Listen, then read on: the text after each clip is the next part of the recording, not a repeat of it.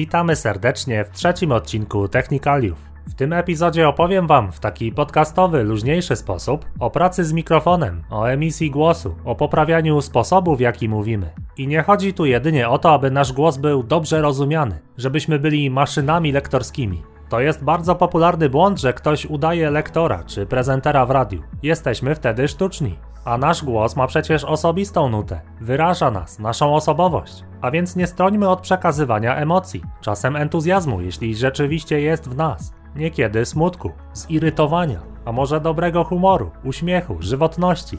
Głos jest naszym posłańcem, wyrażamy z jego pomocą siebie. Natomiast jak ze wszystkim w życiu, można także pracę głosem trenować i stawać się coraz lepszym mówcą, sprawiać, że ludzie chętnie będą nas słuchać, będą się czuć dobrze w naszym towarzystwie. A jednocześnie trzeba też nauczyć się oszczędzać aparat mowy, a już zwłaszcza jeśli pracujemy jako lektor, internetowy twórca czy nauczyciel lub prezenter. Gardło i struny głosowe to często ważne narzędzie pracy i tej wiedzy na temat emisji głosu nie wolno nam lekceważyć. Oczywiście my skupimy się na pracy ze studyjnym mikrofonem, natomiast te same porady można też zastosować po prostu w życiu codziennym. Czy zastanawialiście się kiedyś, jak wasz sposób mówienia wpływa na postrzeganie was przez innych ludzi? Stosunkowo mało osób zadaje sobie tego typu pytanie, a tymczasem sposób mówienia to druga najważniejsza sprawa w autoprezentacji, zaraz po mowie ciała. No, ale moi drodzy, do konkretów. Oczywiście główny kontekst tego wideo, jako że jest to seria Technikalia, dotyczyć będzie nagrywania audio na potrzeby YouTube. Koniec wstępu, lecimy z podcastem.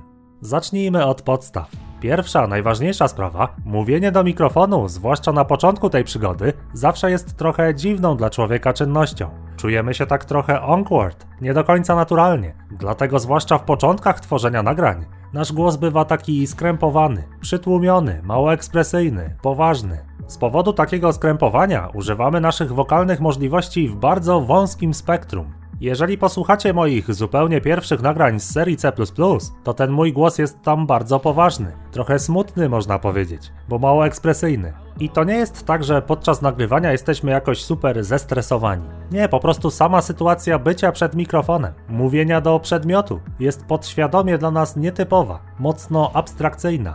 A ja i tak w początkach nagrywania miałem to szczęście, że od kilku lat codziennie prowadziłem zajęcia na żywo, codziennie występowałem publicznie. I zapewne tylko dlatego te pierwsze moje nagrania nie są aż tak tragiczne.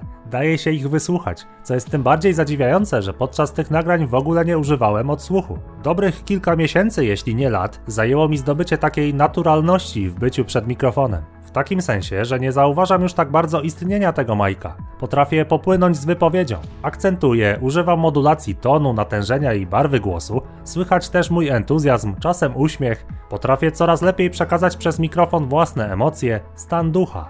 Tego wszystkiego naturalnie używamy w rozmowie z innymi ludźmi, ale żeby tę samą gamę zagrań, to samo wokalne spektrum uzyskać w sytuacji znalezienia się przed mikrofonem, na to potrzeba czasu. I to jest pierwszy wniosek. Na początku twoje nagrania będą brzmiały dziwnie. Odbiorca wyczuje ten twój dyskomfort. To lekkie zdenerwowanie w głosie i napięcie. Czasem nawet ten głos będzie się łamać czy urywać. A już na pewno w pierwszych nagraniach będziesz brzmieć w sposób stonowany, mało ekspresyjny, ściśnięty, trochę taki neurotyczny. Zaakceptuj od razu taki stan rzeczy, bo tylko ćwiczenia, tylko godziny spędzone przed mikrofonem pozwolą ci odzyskać naturalność mówienia i ekspresyjność wypowiedzi. Ok? Daj sobie czas, pozwól sobie przyzwyczaić się do tej nowej sytuacji bycia przed mikrofonem. Moja rada? Kiedy mówisz do mikrofonu, to wyobraź sobie, że właśnie rozmawiasz z człowiekiem. Do dzisiaj, kiedy nagrywam tutoriale, to gdzieś tam z tyłu głowy wizualizuję sobie czasami ludzi, do których mówię. Osoby, które oglądają to na YouTube, albo nawet grupę ludzi na wykładzie, gdzie to ja wygłaszam prelekcje. Oczywiście taki sposób działa w przypadku moich materiałów szkoleniowych, edukacyjnych. Natomiast jeżeli jesteś na przykład let's playerem, no to zwizualizuj sobie kolegę czy znajomego, który akurat wpadł do ciebie i patrzy jak grasz. A ty opowiadasz mu albo coś o samej grze, albo o czymś, co cię spotkało niedawno na ulicy. Zawsze choćby wyobrażenie drugiego człowieka pomoże nam wypowiadać się bardziej naturalnie. Wspominałem już, że mówienie do mikrofonu to dość abstrakcyjna czynność, prawda? W tak prosty sposób można sobie zatem pomóc, co nieco złagodzić komfort gadania do przedmiotu, czyli w praktyce do samego siebie. I druga podstawowa sprawa, wszelkie porady na temat tego jak mówić są cenne, ale tylko praktyka czyni mistrza. Czyli to ty jesteś dla siebie najlepszym nauczycielem. I dlatego tak ważny jest odsłuch. Mów często, mów dużo, ale słuchaj tego, co mówisz na żywo w słuchawkach. Zobaczysz, że dzięki temu z czasem naturalnie unikniesz przesterów, efektów głosek wybuchowych, zbytniej pracy ustami w sensie mlaskania, przełykania odgłosów śliny, jak i poprawisz pracę oddechową, czyli nie będzie tylu oddechów pomiędzy słowami. Dlatego nic nie zastąpi posiadania odsłuchu, cierpliwości i pracy nad sobą. Żadna teoria, żadna przeczytana książka czy wysłuchany podcast. Okej, okay, a teraz idąc dalej do kilku spraw czysto technicznych. Zakładamy, że mamy zorganizowany odsłuch, mamy założony na mikrofonie pop filtr oraz w miarę wyciszone pomieszczenie. Ale to jeszcze nie wszystko. Bardzo ważny jest sposób umiejscowienia membrany mikrofonu względem naszej twarzy, a konkretnie naszych ust. Słowa, które wypowiadamy, czyli generowane przez nas fale dźwiękowe, w nagraniach lektorskich powinny padać bezpośrednio na membranę. To nie może być tak, że pojemnościowy mikrofon kierunkowy ustawimy górną częścią do nas i mówić będziemy do czubka mikrofonu zamiast do membrany. A czasem ludzie mają taki nawyk, no bo widzą koncert i tam wokalistę czy rapera, który mówi no z góry do mikrofonu. Nawet za dzieciaka śpiewało się do dezodorantu, udając, że to mikrofon. I stąd ta intuicja, żeby tak z góry do mikrofonu mówić. No a tymczasem sytuacja wygląda tak, że artysta na koncercie trzyma w ręce estradowy mikrofon dynamiczny, którego membrana, którego kierunkowość jest faktycznie skierowana w górę. Natomiast większość mikrofonów pojemnościowych ma tę kierunkowość ustawioną pod kątem 90 stopni, czyli musimy się wówczas znaleźć przed mikrofonem, a nie ponad mikrofonem. Ok? Kolejna sprawa, czysto techniczna, regulowanie gaina, czyli wzmocnienia sygnału. I tutaj najbardziej pomoże nam graficzna wizualizacja, którą widzimy podczas nagrywania, chociażby w programie Audacity. Gain mikrofonu powinien zostać ustawiony tak, aby podczas normalnego mówienia te amplitudy zajmowały przynajmniej połowę, a najlepiej około 3 czwarte dostępnej przestrzeni. I najlepiej, aby piki sygnału, czyli takie krótkie, bardzo głośne momenty, nie przekraczały wyraźnie tej dostępnej skali. Czyli po prostu obserwując kształt sygnału na ekranie komputera, możemy wygodnie dobrać gaina do naszych nagrań. Oczywiście co nieco zawsze można poprawić w postprodukcji, ale to jakość źródłowego sygnału zawsze jest decydująca. Nagranie na zbyt małym gainie, nawet jeśli je programowo w postprodukcji podgłośnimy, będzie pozbawione szczegółów, będzie brzmiało jak z wanny albo z piwnicy a nagranie na zbyt dużym gainie, nawet jeśli je programowo w postprodukcji przyciszymy, będzie pełne dystorcji, zniekształceń, przesterów. Także pierwsze dni z nowym mikrofonem to przede wszystkim znalezienie tego sweet spotu, czyli takiego poziomu gaina, który dla naszego sposobu mówienia sprawdza się najlepiej. Jako złotą regułę można przyjąć, że jest to najgłośniejszy poziom, który nie generuje żadnych dystorcji w momentach, kiedy podnosimy głos. Kolejna sprawa fundamentalna, której wpływ często jest lekceważony, postawa naszego ciała podczas mówienia. Powinniśmy być wyprostowani, nie powinniśmy się garbić, pochylać ramion, zwracać całej sylwetki do przodu. Dlaczego nie? No, ze względu na przeponę. Kiedy jesteśmy naturalnie wyprostowani, może pracować optymalnie, a kiedy się garbimy, to kładziemy na nią nacisk i wówczas nasze wypowiadane słowa również będą skrępowane. Czasem ludzie odnoszą mylne wrażenie. Wmawiają sobie, że pochylenie się do przodu poprawia jakość nagrania. Dlaczego można odnieść takie złudne wrażenie? No dlatego, że kiedy pochylamy się do przodu, no to zbliżamy nasze usta do membrany. I stąd będąc bliżej mikrofonu, słyszymy siebie wyraźniej w odsłuchu. Natomiast to nie ma nic wspólnego z tym, że pochylenie się do przodu poprawia nasz głos. Wręcz przeciwnie. Cała sztuka polega na tym, żeby znaleźć takie zamocowanie czy ramię mikrofonowe, które zapewni nam optymalną odległość od membrany, ale z wyprostowanymi naturalnie plecami. Abstrahując już nawet od jakości nagrania, ale takie długie sesje przed mikrofonem ze zgarbionymi plecami to po prostu zabójstwo dla kręgosłupa. Także absolutnie zwróćmy uwagę na to, jaką postawę ciała przyjmujemy podczas mówienia do mikrofonu. Kolejna sprawa, kiedy nagrywamy, to nie bójmy się gestykulować rękami. Zwłaszcza posiadacze mikrofonów pojemnościowych, które jak wiemy są piekielnie czułe, mogą się nabawić takiej schizy, że lepiej nie ruszam rękami, bo jeszcze coś potem wyjdzie w nagraniu. No, jest w tym trochę racji na pewno, natomiast od tego mamy przecież odsłuch na żywo, żeby takie sytuacje w razie czego wyłapać i eliminować. A samo gestykulowanie rękami znacząco pomaga nam mówić naturalnie. Pomyśl o tym, czy rozmawiając z drugą osobą stoisz na baczność, ręce wzdłuż i nie używasz w ogóle mowy ciała? No nie, gestykulacja naturalnie nam towarzyszy, kiedy mówimy i dlatego używaj jej także przed mikrofonem. To jest stara sztuczka lektorska, jak również wokalna. Nie krępuj się gestykulować, to sprawi, że twój głos będzie brzmiał dużo bardziej naturalnie. Unikaj jedynie zasłaniania ust bądź membrany, no i dotykania mikrofonu, a tak to machaj rękami ile wlezie. Wykonuj gesty, które podświadomie masz ochotę w tym momencie pokazać. Będziesz brzmieć dużo bardziej ludzko, mniej sztywno, mniej jak robot. Okej, okay, a idąc dalej, podnieśmy teraz kwestię higieny aparatu mowy. Przed nagrywaniem głosu na pewno warto umyć zęby, po prostu. Usunąć resztki jedzenia, wyczyścić przestrzenie międzyzębowe, wypłukać dżąsła, oczyścić język. Nie trzeba chyba wyjaśniać, że człowiek, który aktualnie spożywa posiłek, albo przed chwilą go zakończył, po prostu będzie brzmieć inaczej. Będzie dużo więcej mlasknięć, sporo pracy śliną, wiele poprawek z użyciem języka itd. Nasz organizm już na sam widok jedzenia wytwarza więcej śliny, pomagając nam w ten sposób w skuteczniejszym trawieniu. Stąd nie warto nagrywać tuż przed lub po posiłku, a tym bardziej w jego trakcie. Z nagrywaniem po posiłku, a zwłaszcza znacznym posiłku, może być ten problem, że odgłosy trawienne naszego żołądka mogą nam po prostu utrudnić pracę, nagrać się na mikrofon. A z drugiej strony bycie głodnym i burczenie w brzuchu z głodu także mikrofon bez problemu zarejestruje. A zatem ważna jest higiena naszej pracy. Trzeba wybrać odpowiednią porę dnia pomiędzy posiłkami, kiedy nie jesteśmy ani zmęczeni, ani głodni, ani tuż po sporym obiedzie. Jakkolwiek może to brzmieć trywialnie, to jest to problem we współczesnym, pełnym zajęć zabieganym świecie. Natomiast jeżeli chodzi już o sam akt nagrywania, to bardzo ważna jest woda. Należy regularnie nawilżać gardło i struny głosowe, także absolutnie wodę powinniśmy mieć pod ręką i regularnie robić co jakiś czas przerwę w nagraniu. Herbata czy kawa w moim przypadku nie sprawdzają się tak dobrze jak woda. Zwłaszcza kawa nie nadaje się do dłuższych sesji z mikrofonem, bo ona dość znacznie wysusza wyściółkę gardła, jak i wnętrze ust. Jeśli zaś chodzi o temperaturę płynu, to ja osobiście piję po prostu wodę mineralną w temperaturze pokojowej. Niektórzy lektorzy twierdzą, że ciepła woda działa najlepiej na gardło, ale ja nie zauważyłem, aby działała lepiej od mineralnej. Poza tym walory smakowe ciepłej wody są dla mnie raczej nie do przyjęcia na dłuższą metę.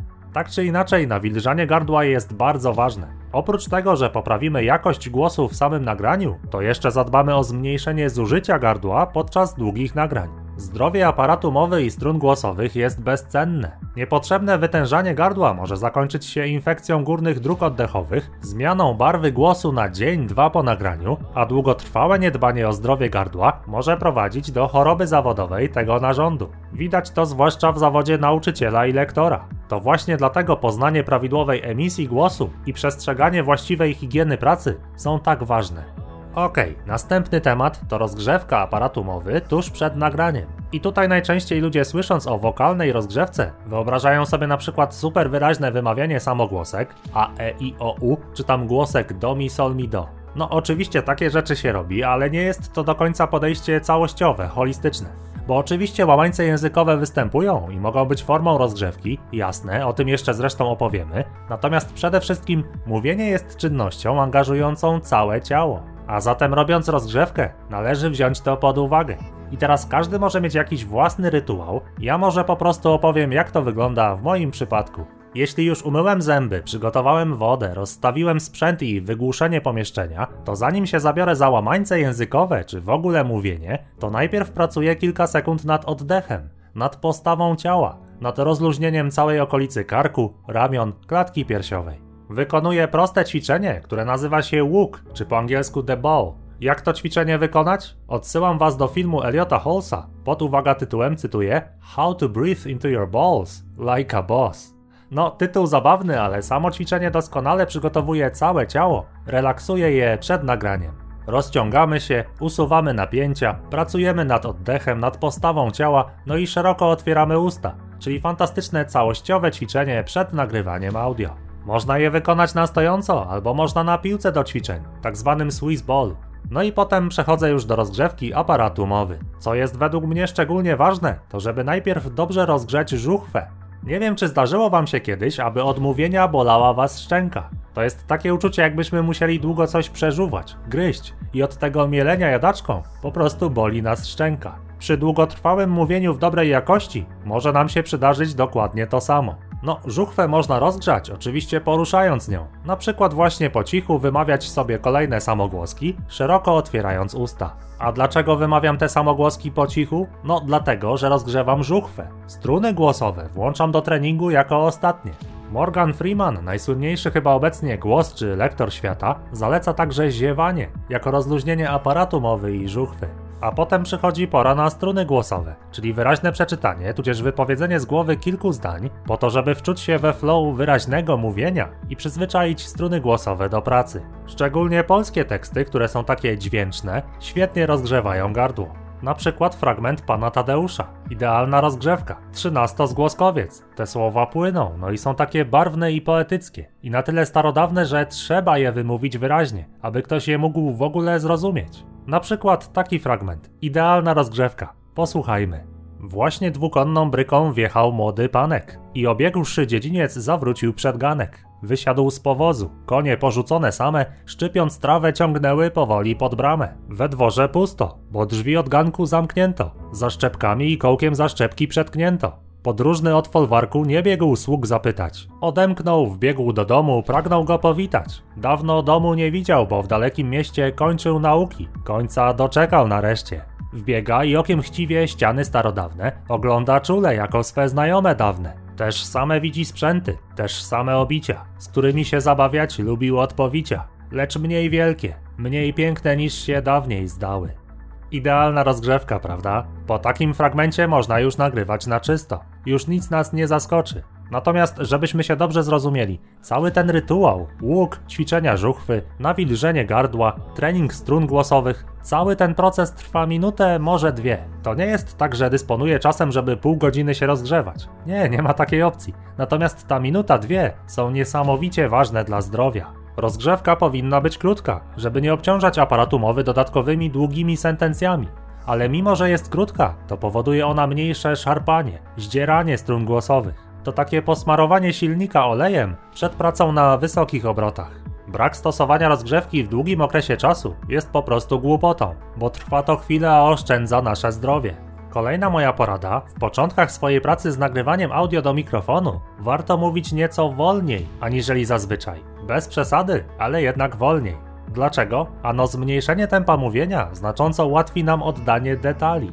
Mówimy wyraźniej, a co za tym idzie łatwiej nas zrozumieć. Podczas wolnej mowy ruchy języka mogą być precyzyjne, nie zjadamy końcówek, no i unikamy fonetycznych uproszczeń. Ponadto dłużej relaksujemy aparat mowy na samogłoskach, bo generalnie rzecz ujmując jest tak. Wymawianie spółgłosek kosztuje narządy artykulacyjne sporo pracy. Tor głosowy musi być bardzo zwężony, zaś wymówienie samogłoski relaksuje mięśnie artykulacyjne. Wolniejsze mówienie sprawia więc, że chwile relaksu na samogłoskach są dłuższe. Mówi nam się łatwiej i słychać nas wyraźniej. Kolejny aspekt mówienia to użycie emfazy, akcentowania, zmiany tonu głosu. Obrazowo rzecz ujmując, chodzi o umiejętność opowiadania głosem historii. Czy sposób w jaki mówisz jest monotonny, pozbawiony wyrazu, czy jednak potrafisz namalować przed kimś z pomocą tonu głosu jakąś historię, oddać własne emocje, coś zaakcentować. Dla mnie mistrzem takiego tonalnego, ciekawego mówienia jest Shay Carroll, znany youtuber, a wcześniej prezenter radiowy, stąd jest tak doświadczony głosowo. I najlepiej jeśli po prostu posłuchamy fragmentu podcastu. Spróbujmy posłuchać świadomie, zwracając uwagę na to, jak często Shay zmienia ton głosu, jak potrafi wciągnąć taką modulacją w opowiadaną historię. Posłuchajmy. Uh, it is a little weird. Like I downloaded it the other day when me and Ron were going on a bike ride, and I hit play, and I'm like, "What the hell is this crap?" I'm like, oh, this is not what I want right now to motivate me for a 40 mile bike ride. But I'm just like, I don't, I don't want to like get in my pocket because we're on our bike ride and like try to find another book to download because we're already riding. I'm like, whatever, I'll just listen to this for a minute. And then I kind of got into it, and I was like, oh, like he was saying things that made sense to me and that I could relate to in my life. The power of now. He talks about all of our life, and this is so true. We're always focused on the things that we're doing to help us in the future, or we're always reminiscing about the good times in the past. Right, you're living like, in the future Man, remember when we did this? That was so good. But the the thing is, is none of that is a reality. The only thing that is real out of everything is the present, right now. This is the only thing that is actually happening that like mm-hmm. this is the only moment of truth is right now and any of those past memories are just a memory of a present now and So anything true. if we do something that will benefit us in the future it's like we're just working for a future now so the only thing that is true and actual is what's happening in this moment. To był angażujący fragment, prawda? Samą modulacją tonu głosu Shay Carol potrafił zainteresować nas opowiadaną historią. I dlatego dobre nagranie głosowe nie powinno być monotonne, bo nikt nie będzie chciał go słuchać. Zaśniemy z nudów. I dlatego czasem na przykład dubbingi w grach czy filmach się nie udają, bo czasem słychać, że aktor odczytuje kwestie, bo nie ma w tym jego głosie tonalnego oddania emocji. Nie słychać tej modulacji tonu, tej emfazy, która powinna paść na poszczególne słowa. Oczywiście wplecenie dużej ilości modulacji tonu głosu w wypowiadane zdania wymaga sporego doświadczenia. Nie należy też przesadzać. Nasz przekaz musi brzmieć naturalnie, musi wiernie oddawać nasz stan ducha. Bardzo łatwo wbrew pozorom jest wyczuć fałsz w czyimś głosie. Natomiast fakt faktem, odpowiednie użycie tonu wypowiedzi i emfazy, tego nacisku na poszczególne słowa, decyduje o tym, że ludzie chętniej będą chcieli nas słuchać. Monotonia wypowiedzi strasznie zniechęca, sprawia, że momentalnie wyłącza się nasza uwaga. I to nie musi być zawsze entuzjazm w głosie, super pozytywne zabarwienie. Niekoniecznie chodzi tylko o pozytywne emocje, bardziej chodzi w ogóle o ich obecność w wypowiedzi. Pierwszym odcinku serii oglądaliśmy streamerów Gwinta, wiedźmińskiej gry karcianej. Zróbmy to i tym razem. Najpierw zobaczymy fragment rozgrywki, w której moim skromnym zdaniem autor mógł wykazać nieco więcej emocji, pracy tonem, zabarwieniem głosu. I oczywiście to nie jest powód do naśmiewania się z tego streamera. Wręcz przeciwnie, ja doskonale wiem jak to jest. Włączcie sobie moje pierwsze filmy, w jak przytłumiony tonalnie sposób tam mówię. To jest zupełnie normalne dla każdego twórcy. To jest postępująca naturalnie ewolucja. Film, który zobaczymy, to będzie jeden z pierwszych gameplayów Adama na jego kanale. Jeśli zajrzycie do najnowszych filmów u niego, to też dostrzeżecie, jak pozytywnie zmienił już ten aspekt bycia przed mikrofonem. A wrzucił już ponad 1700 filmów na swój kanał, także chapeau ba, czapki z głów. Mam do tego olbrzymi szacunek. Posłuchajmy zatem wypowiedzi mniej bogatej tonalnie, mniej bogatej w emfazę. Okay, we, we need to play the Harpy. And we need to play the Frightener. That is all. I want to play the Frightener last. Just so he might play something more impactful.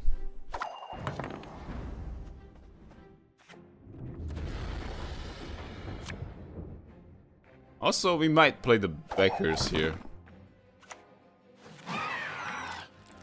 Or not. oh, Spear Tip. Water Hack. Fire Elemental.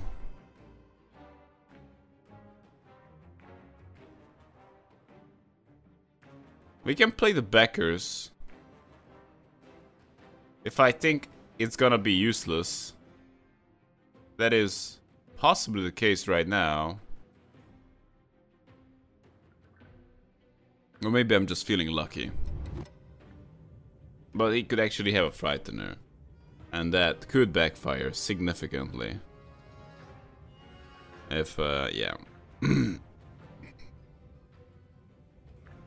think we might just give this up. Because we're getting close to... He's gonna play his Frightener range. Let's pass. Let's play it safe.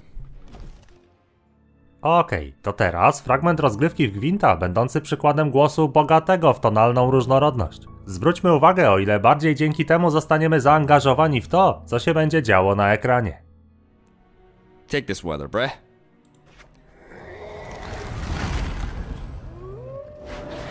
Early Will of the Spirit. Damage is one of the two, which means that the next Blue Stripe Scout will not buff this one. And he goes John Natalis. Okay. Reinforcements? Wither clear? Oh, nice. Good play. Good play. He, has two crewmen here, which is a little bit, a little bit disconcerting. I, I, I, that's, that's scurry. That's scurry indeed. But now we can kill this. Now we can kill this one. If he has another blue stripes. Oh, this is the perfect moment to do so. Because this is the weakest unit on his side of the board. So it's three strength. The, the three harpies will fuck him up. And if he has another, if he has a reaver scout, no blue stripe scout for you. So we're, we're we have to go unseen elder here. Yep. Bow. Bow. Bow.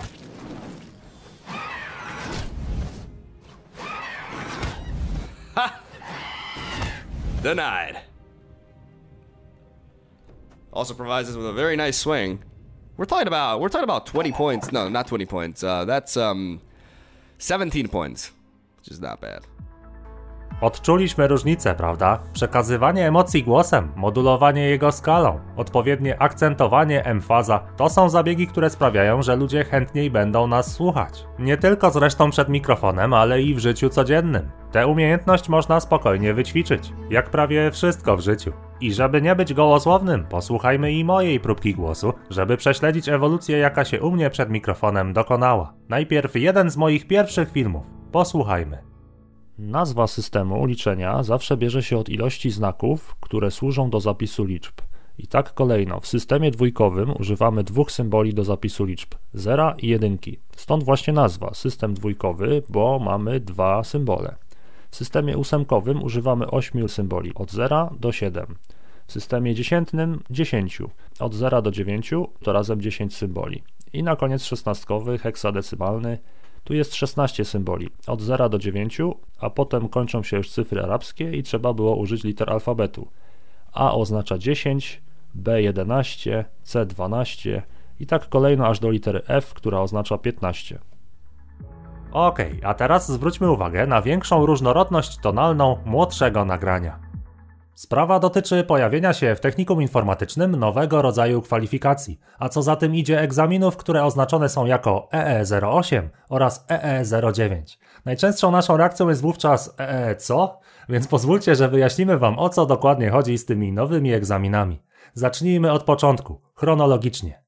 Po pierwsze, w roku 2012 wprowadzona została reforma szkolnictwa zawodowego i wraz z nią pojawiły się tak zwane kwalifikacje w zawodach. W założeniach chodzi o to, aby nauka była bardziej elastyczna, aby była podzielona na dające się ładnie wyróżnić moduły.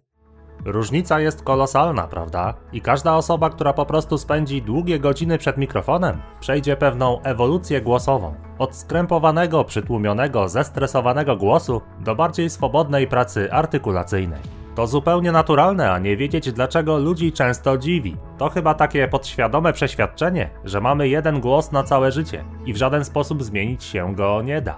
A to nie do końca prawda. Wiele aspektów mowy można u siebie zmienić, rozbudować, uelastycznić. Wystarczy sobie wybrać dowolnego youtubera, który przez dłuższy czas regularnie nagrywa materiały i zobaczyć sobie najstarszy i najmłodszy film u niego na kanale. Ta ewolucja będzie wówczas słyszana gołym uchem. I dlatego miejmy dla siebie cierpliwość. Ta naturalność mówienia, entuzjazm, poczucie humoru, lekkość bycia przed mikrofonem to u tych twórców rezultat długich godzin treningu. To nie wzięło się znikąd. Tylko osoba nierozumiejąca natury tego procesu zwróci uwagę jedynie na stan końcowy, na stan obecny. A to przecież jasne, że do osiągnięcia lekkości, biegłości potrzeba czasu. Także jako świeży twórca internetowy pod względem stażu, po prostu wrzucaj regularnie nagrania na swój kanał. Na początku nie będą dobre jakościowo pod względem emisji głosu, ale dzięki regularnym uploadom będziesz się poprawiać. I tyle. A krytyką się nie przejmuj. W internecie i tak zawsze usłyszysz, że jesteś do niczego. Zrobisz kanał o gwincie? Zawsze znajdą się osoby, które powiedzą, że nie umiesz grać, że ty w ogóle nie masz pojęcia o tej grze,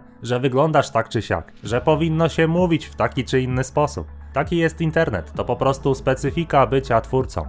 Jako osoba na scenie jesteś łatwym celem do skrytykowania. Akt oceniania daje zawsze oceniającemu poczucie wyższości, stąd wielu ludzi zachowuje się tak, jak się zachowuje w sieci. Tak jak ja tworzę teraz podcast na temat emisji głosu, przekazując insights do moich pięciu lat doświadczenia bycia przed mikrofonem. I tak znajdą się ludzie, którzy napiszą: A co ty tam wiesz? Mówisz o emisji głosu, a sam brzmisz jakby świnia miała kaszel.